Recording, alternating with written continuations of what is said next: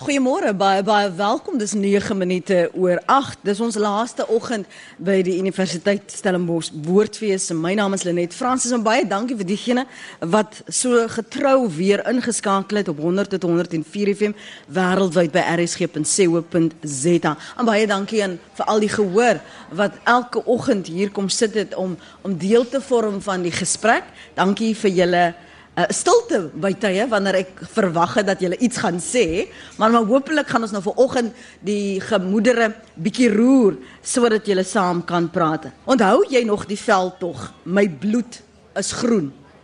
Of lank lank gelede toe ons ons lippe blou geblaas het aan 'n vuvuzela. Vir, vir almal was dit 'n kultuurverskuiwing. Dit klink soos 'n vergete herinnering. Verlede jaar het 63% van Suid-Afrikaners gesê hulle is trots om Suid-Afrikaans te wees. Dit was volgens 'n Ipsos peiling wat sosio-politiese sienings van Suid-Afrikaners ondersoek. Daardie peiling is af van 12 persentasiepunte van 2015. 2015 toe 77% van Suid-Afrikaners verklaar het het hulle is trots om op Suid-Afrika en om Suid-Afrikaans te wees. So vanoggend praat ons oor hierdie konsep, vaag vir sommige mense, wat 100% Suid-Afrikaans beteken of dan nou trots Suid-Afrikaans beteken. En hoe skep ons en voed ons daardie trots onder Suid-Afrikaners? Ons gaste vanoggend is Dr. Julian Son. Hy's 'n konsultant by die Universiteit Stellenbosch se transformasiekantoor en Dr. Jolien Steyn Kutse. Sy's 'n senior politieke navorsingsspesialis verbonde aan die Raad vir Geesteswetenskaplike Navorsing by die RGN. En baie van julle sou gesien het, ons het nog nie eens op lig gegaan nie, die luisteraars wat nou ongelukkig by die huis is en toe die twee al begine gesels. So ons wil hulle nou intrek en vir jou ook deel maak van hierdie gesprek. Ek gaan later vir julle lees wat um, Chester Williams sê oor wat dit beteken vir hom om 100% Suid-Afrikaans te wees. Dis so 'n vaarbegrip. Is so daai so vir eri feri verwysing na jy's 100% Suid-Afrikaans dokter Son. Wat beteken dit? Wel ek ek dink dit beteken ek het uh, 'n besondere waardering vir al ons stories en vir alles dit wat ons bereik het, veral ook die vryheid wat ons nou beleef En dan dink ek ook die menslikheid en die menswaardigheid van Suid-Afrikaners is iets wat ek baie belange toe ek vir 22 jaar in die state geleef het. En dan ook die hele proses wat ons mee besig is om ons gemeenskap te transformeer. Uh maak my ook baie trots om Suid-Afrikaans te wees en met Suid-Afrikaners daai proses uh, te beleef. Uh ek dink ook ons het rede om baie trots te wees op baie van ons leiers. Ek dink ons dink veral aan Madiba en sy versoeningsgesindheid. Sy ontmoeting met uh mevrou Verboerd byvoorbeeld en die Koeksusters in Tee mm. as feitelik simbole van sy aanvaarding van daai kultuur en dan haar reaksie op hom. Hoe sy hom my president genoem het en hoe gelaardig hy daar ontvang het. So as 'n Suid-Afrikaner is ek baie trots op sy leierskap en as baie ander, ek dink jy by Stellenbosch, iemand soos Beyers Nodie en natuurlik Archbishop Tutu. Uh Albertina Sisulu, so ek dink ook vir my om trots te wees op Suid-Afrikaner wees is al die leiers wat ons uh, wat ons opgeleef het en wat ons nog steeds oplewe. Ek dink ook ons bereidwilligheid om hierdie gesprekke te voer soos ek dink die meeste organisasies in Suid-Afrika is nou besig om gesprekke te voer. Gewoonlik word dit diversity gesprekke genoem of equity gesprekke, maar ek is bly dat ons hy gesprekke voer want ek dink is in die konteks van almal wat saam praat dat ons besig is om die nasie te bou want in baie opsigte is dit 'n taamlike jong proses uh ons was nie eintlik 'n eensgesinde nasie voor uh 94 nie. So 'n taamlike onlangse proses, maar ek dink met projekte soos die versoeningsproses soos die volkslied en dan veral ook die grondwet en veral die proloog van die grondwet is ons baie geseënd om dit as 'n raamwerk te hê. Ek ek maak aantekeninge van wat jy noem en ek gaan nou nou terugkom daarheen. Hoe weet 'n mens dit en ek wat ek het waardering omdat dit deel van my kollektiewe geskiedenis is, daardie daardie gesprek en ontmoeting wat Madiba gehad het. Maar vir 'n jonger generasie wat nou sin probeer maak in Suid-Afrika waar hulle verdeeldheid ervaar, dit gaan verby hulle. In 'n mate ja, ehm um, jy weet as ek as ek sit en dink oor van die navorsing wat ek nou al reeds gedoen het veral op universiteitskampusse insluitend die Stellenbosch Universiteit, uh, Universiteit van die Vrystaat was ons by Nelson Mandela, Fourier ensovoorts. Die die een tema wat nogal vir my baie baie sterk opgekom het in terme van nasie building, uh nee, nasie building, ekskuus, nasie bou. Ehm um, by 'n jonger generasie, jy weet mense 18 tot 22 25 jaar oud is amper hierdie sense of we are still oppressed. Um jy weet in in 'n mens kry daai daai daai daai sense of oppression vind amper 'n expression in in um ons sosio-ekonomies uitgesluit want ons sien nog steeds hierdie patrone van amper 'n apartheid politieke ekonomie en isolasie uh, ekonomiese isolasie wat aangaan en dan natuurlik met die ander kant van die gesprek van oppression is ons is uitgesluit. Ehm um, jy weet deur jou jou beleide van affirmative action broad based black economic empowerment ons voel ons word nie genoeg ingesluit nie. So dit dit was vir my eintlik baie um, ironies geweest dat ons het verschillende groepen mensen wat precies diezelfde dialoog van oppressie gebruik, maar net uit een verschillende perspectief uitkom. So as ons vanoggend 'n gesprek het oor 100% Suid-Afrikaans, waar begin jy daai gesprek? In aggenome wat jy sopas vir ons gesê het en ook met met die verstandhouding dat ons praat met verskillende generasies en almal se ervaring en almal se stories soos dokter Swan gesê het is belangrik. Maar hoe weerspieël jy dit in 'n diskurs wat dit wel gaan baie keer oor eie belang?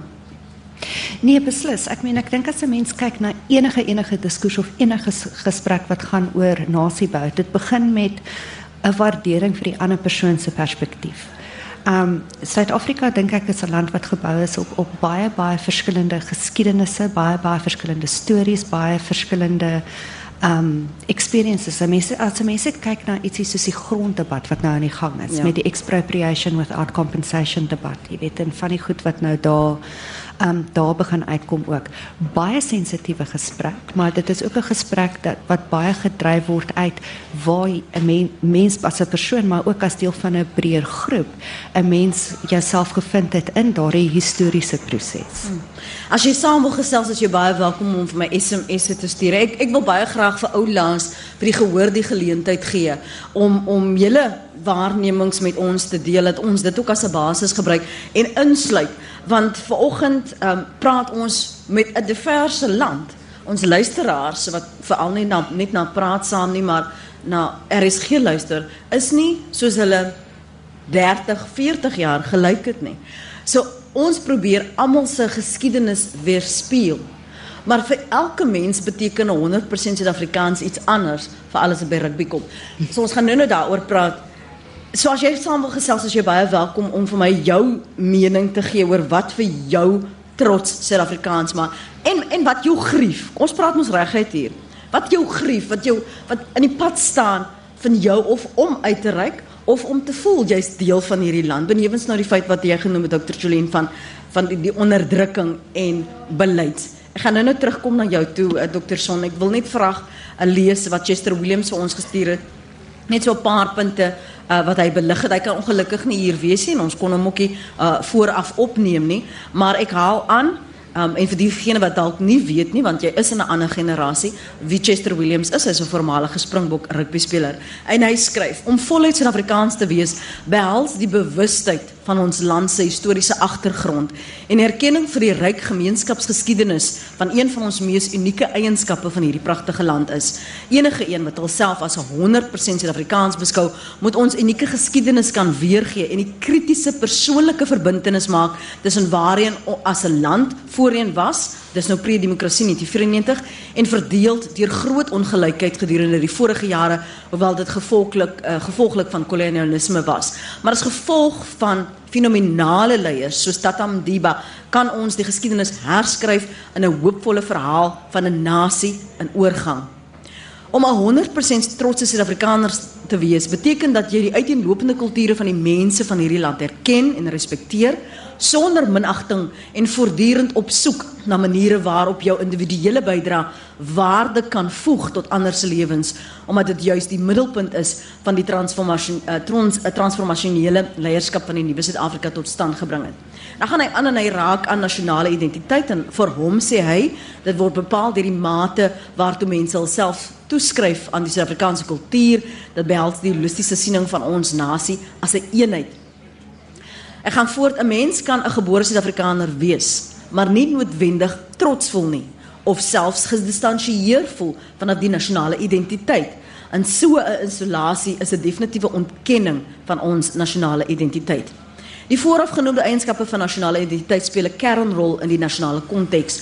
As ons byvoorbeeld na rugby verwys, ten spyte van die huidige toestand van Suid-Afrikaanse rugby, identifiseer ons steeds ten sterkste met die nasionale identiteit van volle ondersteuning vir ons span. Ons gaan net nou kom by die die nasionale identiteit en, waarmee mense identifiseer en hoe 'n ding soos rugby, 'n sport soos rugby, mense kan verdeel of verenig. Want ons het in die verlede baie staat gemaak op die feit dat um, as die Springbokke speel of ons speel ons volkslied of die stem dan dan voel ons hier's hier's 'n roering hier binne. Maar as as dit ontbreek. Kom ons praat oor simboliek en simbole soos 'n volkslied.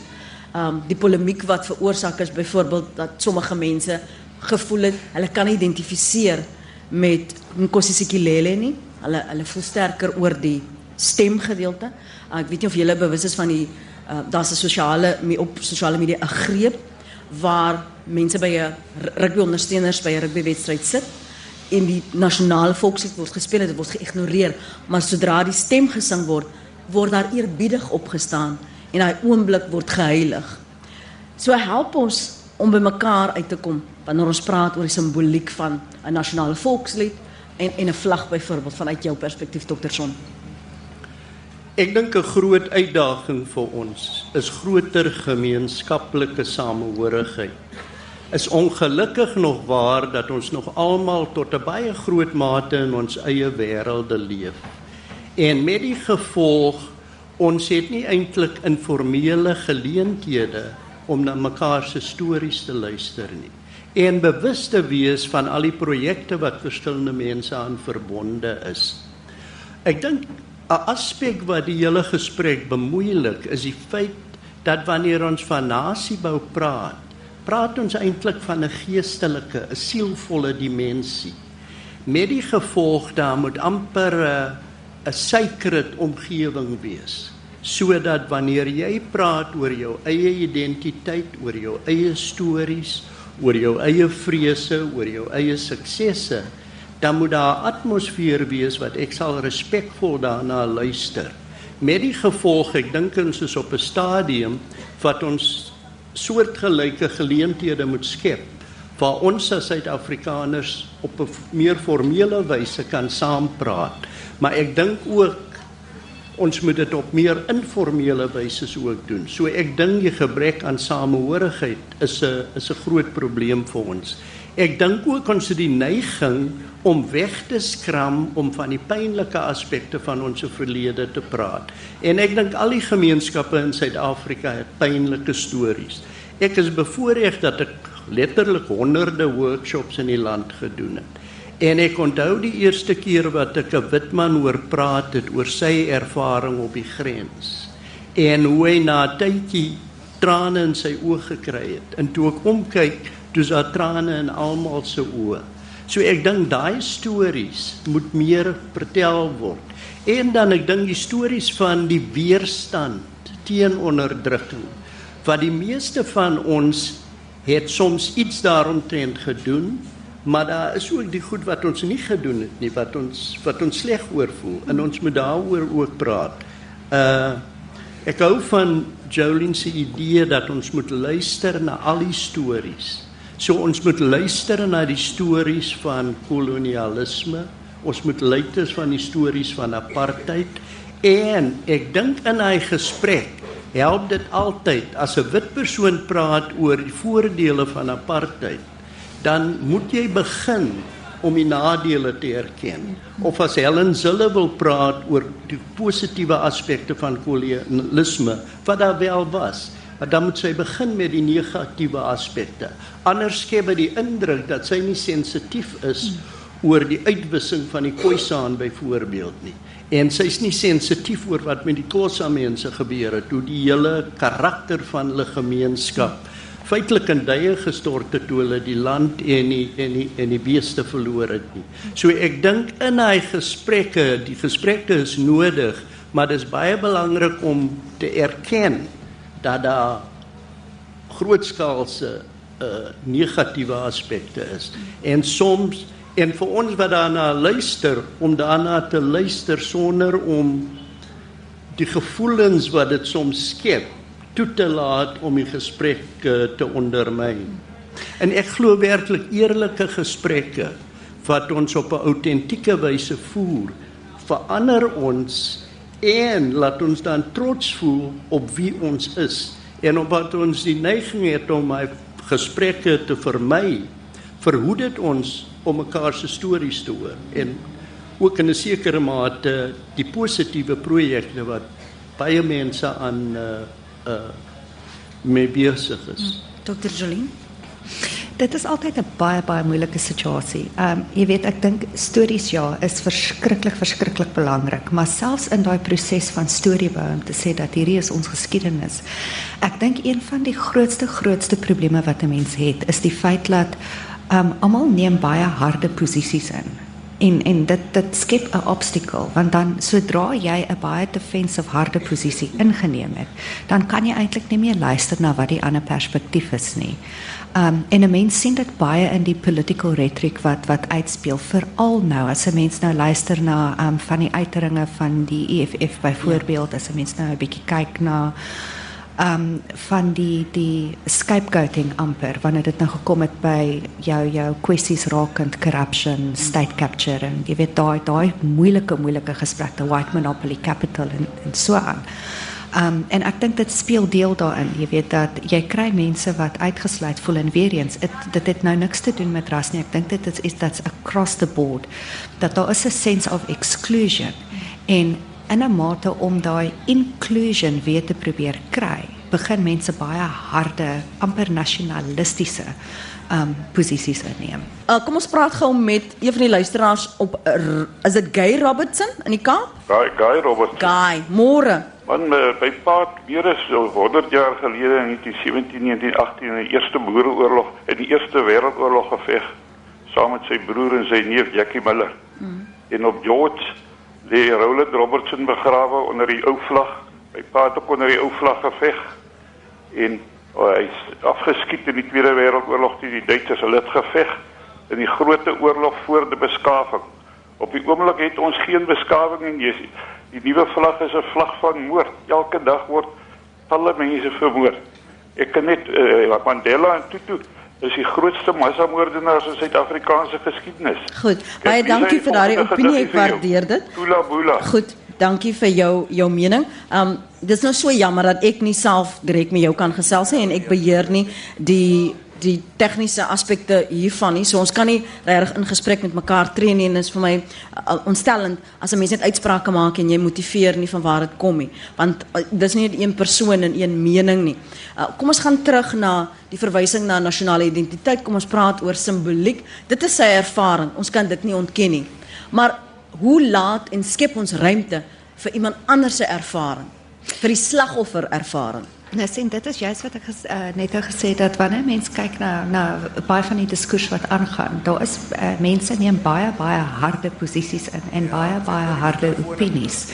En sodra dit gebeur, dan um it it limits the space for debate. Dis dis eintlik waar dit neerkom, daai politieke politieke spasie wat 'n mens nodig het om hierdie moeilike gesprekke te voer om by 'n punt van dit was ons geskiedenis dit is die pyn, dit is die trauma, dit is waar ons deur is, maar dit is waartoe ons wil gaan. Sodra jy daai harde posisies inneem, kan daai gesprek eintlik nie plaasvind nie. Maar nou wil ek vinnig op daai punt vra. Net omdat hy daai mening huldig, beteken nie dat hy nie trots is nie op sy geskiedenis nie. Die feit dat hy dit so kan uitlê, hmm. sal reeds 'n aanduiding. Daar is 'n mate van ek is van die grond, my voorgeslagte is van hierdie grond. So hoe kry ons daardie persoon of persone selfs aan die EFF se kant byvoorbeeld wat voel ontneem is van hulle grond. Die Khoisan byvoorbeeld wat voel ons word eers erken as 'n eerste nasie nie en daarmee saam wat almal wat daarmee kom. So hoe maak jy al daai mense wie se menings en se geskiedenis almal geld en relevant is? Hoe kry jy hulle om een tafel en sê kom ons praat saam. Kom ons ken erken mekaar se geskiedenis. Ek wil net kommentaar lewer op die punt wat Guy gemaak het. Ek dink dis waar ons is 'n baie gewelddadige land en ons was nog altyd 'n baie gewelddadige land. Ek meen die vlak van verkrachting in die land is iets om ons almal skaam te laat voel oor. En ek dink ons spreek nie patriargie en seksisme genoegsaam aan nie. Meer as 50% van mense in Suid-Afrika is vroue maar tog is meeste leierskapposisies nog steeds mans.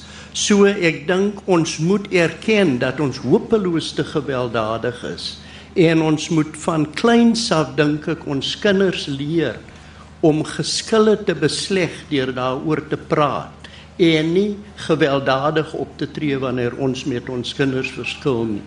So ek wil dit net erken. Dan wil ek ook net erken dat ek baie trots voel op die wyse waar ons ons almal as Suid-Afrikaners rebelleer teen Zuma se leierskap.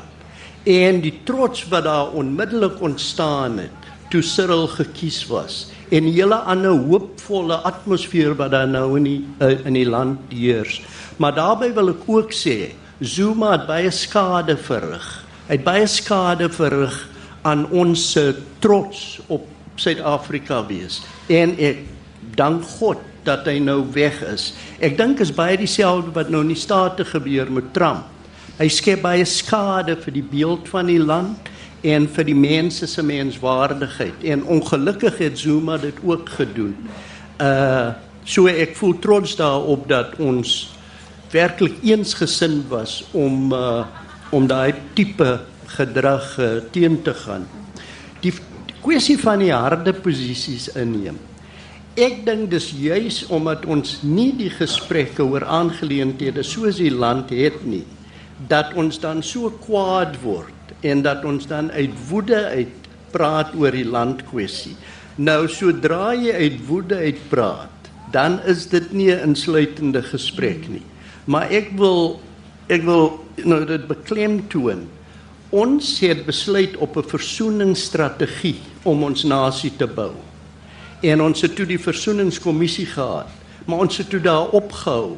Daai gesprekke moet voortgesit word op alle vlakke en aangeleenthede soos die land moet bespreek word. Ja, maar nou hou vas, hou vas. Mm -hmm. Versoeningsstrategie, wie het daarop besluit? Is Suid-Afrikaners daarin geken of is dit 'n inisiatief van leiers wat gesê het dit moet nou ons prioriteit wees? Maar die onderliggende borreling en en ongelukkigheid en skeptisisme ons het dit nog nooit aangespreek nie. Dis afgewentel ons ons is maak so staat op flits oomblikke van wanneer die springbokke wen of wanneer Bafana Bafana uiteindelik wen. Hoe hoe kan ons glo in daardie versoeningsstrategie. As ons nie deel is daarvan nie of ons is volle deel daarvan nie of ons koop nie in op die gedagte nie. En praat ook dan met ons oor menslikheid en menswaardigheid. Ek kom nou-nou na u toe mevrou. Net 'n sekond. Weet jy ek dit is nogal 'n baie moeilike een. Ek dink as 'n mens kyk na ons hele versoeningsstrategie veral in die in die um mid 1990s toe ons nou besluit het op die Truth and Reconciliation Commission en mense het nou daai pad gestap om te sê dat ons gaan hierdie goed bou uit dialoog uit dat ons gaan 'n uh, reconciliation gebruik as die basis om om vorentoe te beweeg.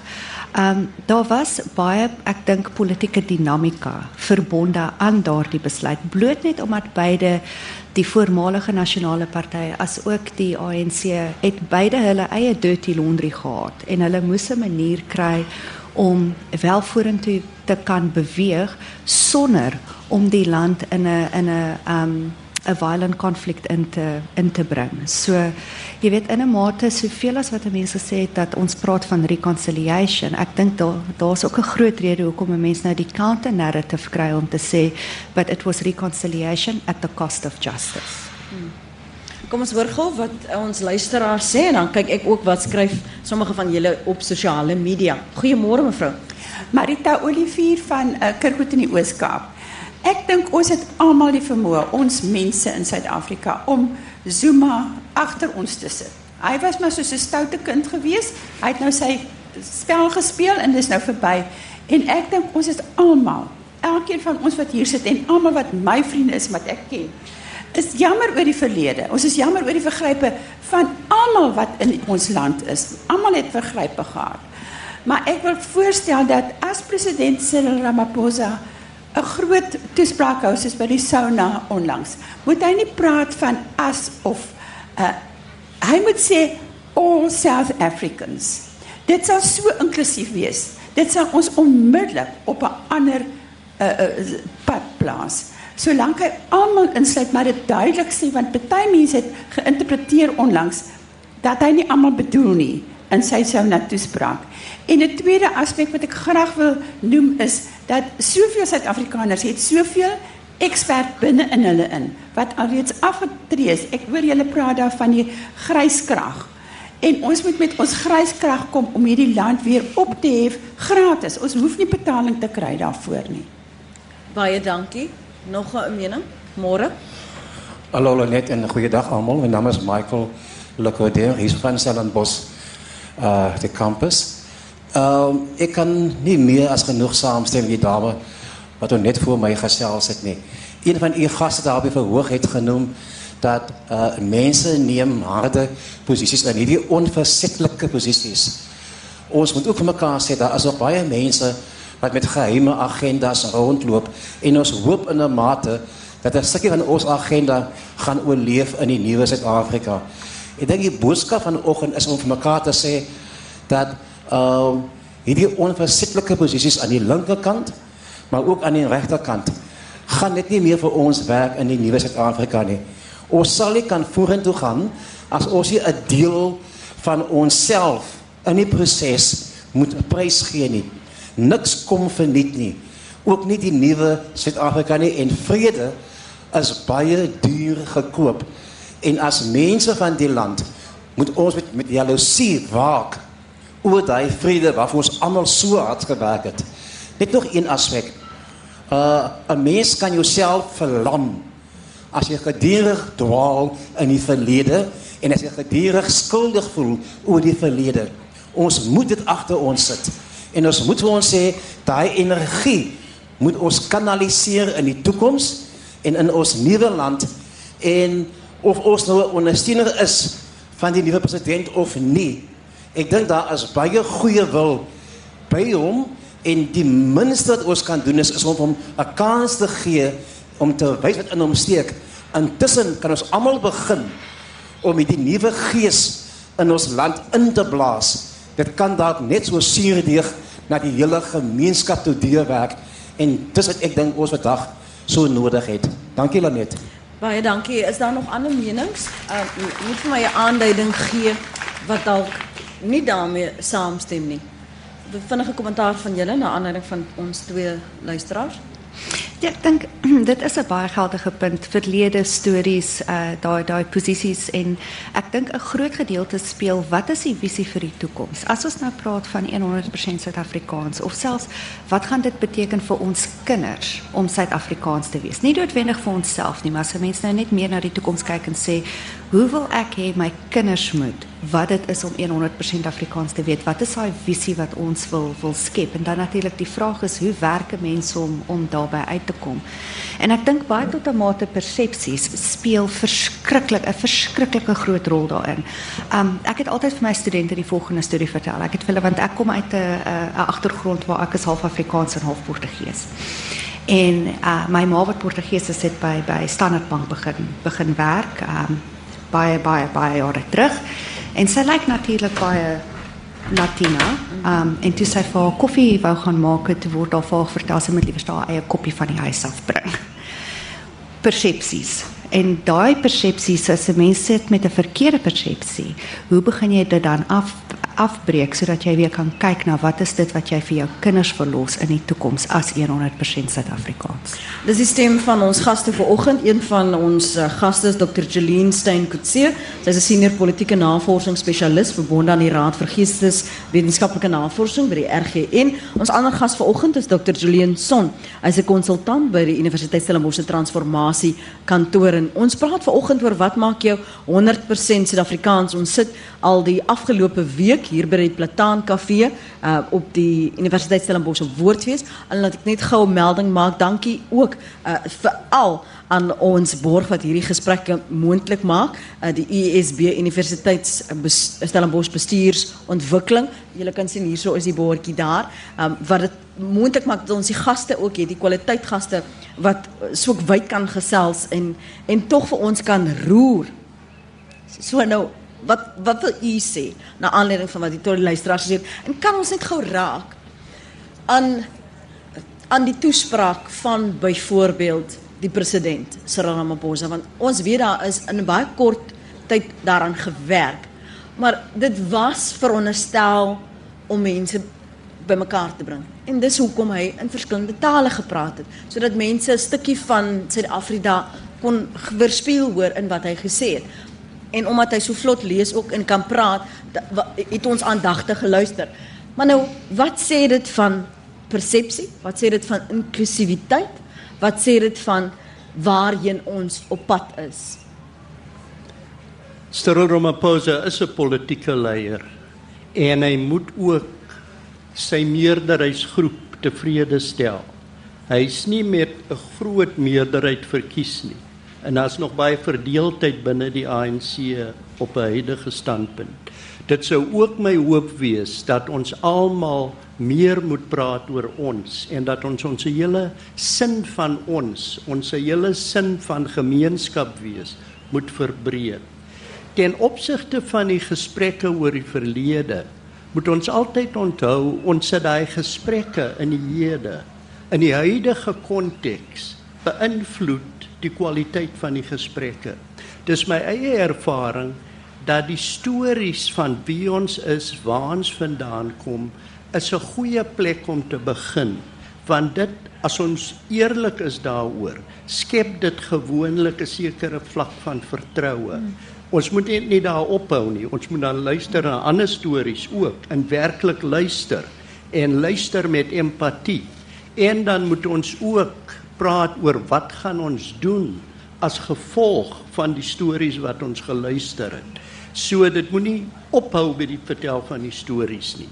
Maar dit is feitelik onmoontlik om enige van ons se se se se potensiaal en dit wat ons bereik het te begryp as ons nie weet waar ons vandaan kom nie. Soos ek is byvoorbeeld baie trots dat my grootouers baie baie arm was en dat ons bereik het wat ons bereik het in 'n baie redelike kort tydjie.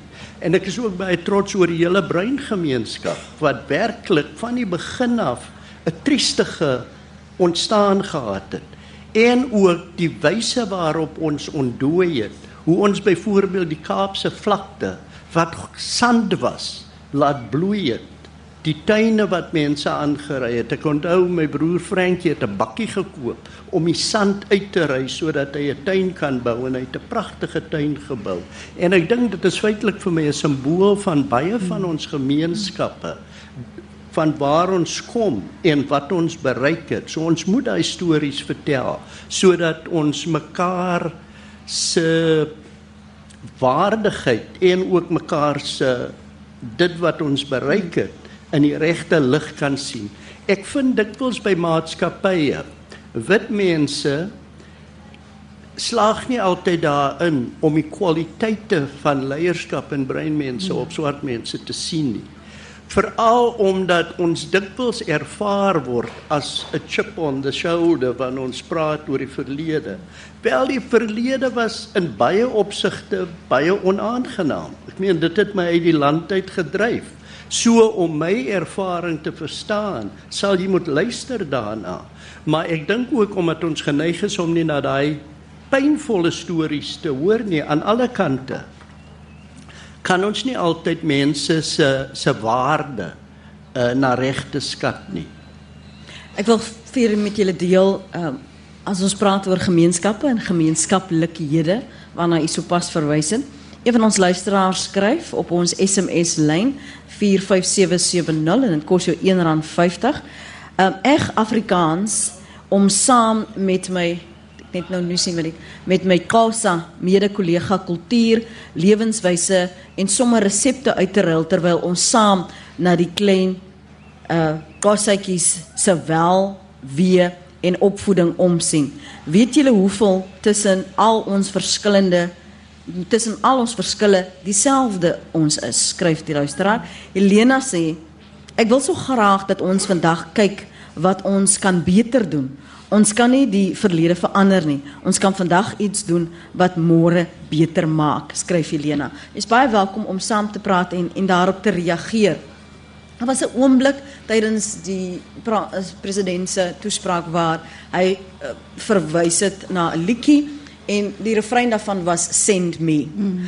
As ons nou met Suid-Afrikaners vanoggend praat, wat sou die mandaat vir elke Suid-Afrikaner wees om ons land op te bou?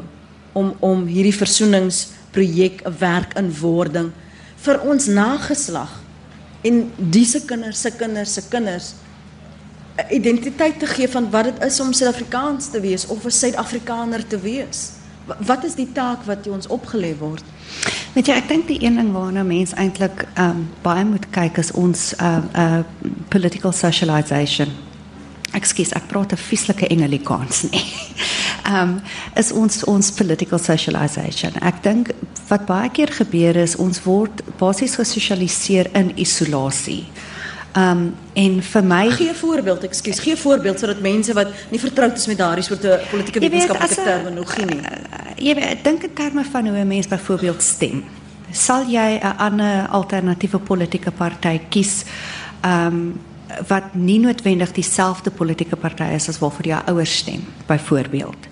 Ehm um, hoekom stem jy vir 'n spesifieke politieke party? Hoekom ondersteun jy 'n spesifieke um social cause byvoorbeeld. En baie van daai goed kom terug na hoe ons grootgemaak is um in terme van by die huis, by die skool, uh verskillende sosiale omstandighede, kerke, klubs en ensovoorts. So ek het gevind dat baie keer on, ons skep nog steeds daai socialization for isolation dat dis beter om hier te bly as om te te gaan integreer. En ek dink dit is presies waarop u ook ook geraak het veral in terme wanneer dit kom by leierskapkwaliteite byvoorbeeld en daai erkenning van leierskapkwaliteite. Um en jy weet hulle te chip op the shoulder byvoorbeeld ons moet uit daai isolationist perspektief uitbreek want die enigste manier hoe mense hierdie land weer verder gaan vorentoe vat is as almal gaan begin saam staan en dit beteken ons sal dan um gelyke waarde of gelyke erkenning moet gee, nie net aan die stories van almal nie, maar ook aan die humanity van almal wat in die land is. Ek weet nie hoeveel van julle kan onthou ja, ek weet nie wat 'n jaar nie, maar terwyl jy praat, het die beeld van Elise Kaywood Day States in die fliek Taxi na Soweto en wat daar wat wat vergesteld is in haar ervaring dan as 'n karakter om op 'n taxi te sit en hoe daar grense verskuif word. Dieselfde wanneer ehm um, jy iemand in die buiteland Afrikaans hoor praat en hulle lyk nie soos jy gedink het hulle sou lyk nie en dan vloek hulle nog so 'n string ook maar jy voel skielik o dis Suid-Afrika dis Afrikaans en die persoon lyk dalk nie soos ek nie uh, en die ervaring wat ons al gesien het in die buiteland so hoe skep ons in Suid-Afrika gegee ons se geskiedenis, gegee die verdeeldheid, gegee die uitdagings wat ons weet ons het, hoe skep ons 'n gemeenskaplike doel? Ek dink ons moet dit op alle verskillende vlakke doen. Op die persoonlike vlak, ek hou van die vrou se gesels oor die kosse. Ek vermoed sy kontak gemaak en werklik hy persone leer ken. Is my ervaring as ons mekaar leer ken, raak ons dikwels bewus van wat mense se belange is en ook wat mense se nood is. Kan nou net die ander dag geluidjie gebruik om te help om 'n boom af te haal. Toe hoor ek hy speel sokker. Toe sê ek, "Oké, okay, as ek gaan hardloop, kan jy saamkom hardloop." Toe kom hardloop hy met sloffies. Ek wou amper huil toe ek sien dis 'n sokkerspeler maar hy het die skoene nie. So omdat ek myself toegelaat het om te luister en om hom in te sluit, het ek onmiddellik bewus geword van 'n moontlike projek. En ek ervaar dikwels in die werkswinkels mense wat toelaat dat hulle dikwels die mense wat by hulle werk leer ken sal dan hulle help met opvoeding, sal dan selfs huise bou vir hulle, maar ek dink die eerste punt op die persoonlike vlak is aan ons werklik samehorigheid moet skep. Ek dink veral wat die die voorbeeld van die Kosa nou. Ek dink op plekke so Stellenbosch en in die Weskaapland het ons nou eintlik 'n nuwe tipe apartheid geskep wat nou bruin en wit is, maar ons het nog steeds die neiging om ander Suid-Afrikaners uit te sluit. En so op uh, die gemeenskaplike vlak moet ons altyd seker maak ons is insluitend. Ek dink ook wat tans 'n probleem is veral wat wit mense betref, daar soms 'n neiging om terug te staan en te voel die transformasieprosesse is nie deel van hulle nie. Maar myns insiens is die teendeel waar. Indien wit mense nie saam deelneem aan die gesprekke nie, dan gaan hulle grootste vrese miskien bewaarheid word. So ek dink is gebiede noodsaaklik op die gemeenskaplike vlak dat ons seker maak ons is insluitend en dat in daai insluitendheid dat ons mekaar met 'n veel groter mate van respek moet behandel. Ek dink ons het ook die neiging om nie die ideologie van wit baaskap aan te spreek op alle vlakke nie, veral op die kulturele vlak. Ek dink op ja, ek dink dit is 'n groot uitdaging nog vir ons. Daai aanname dat ons as wit en ons as bruin ook beter is as ander Suid-Afrikaners.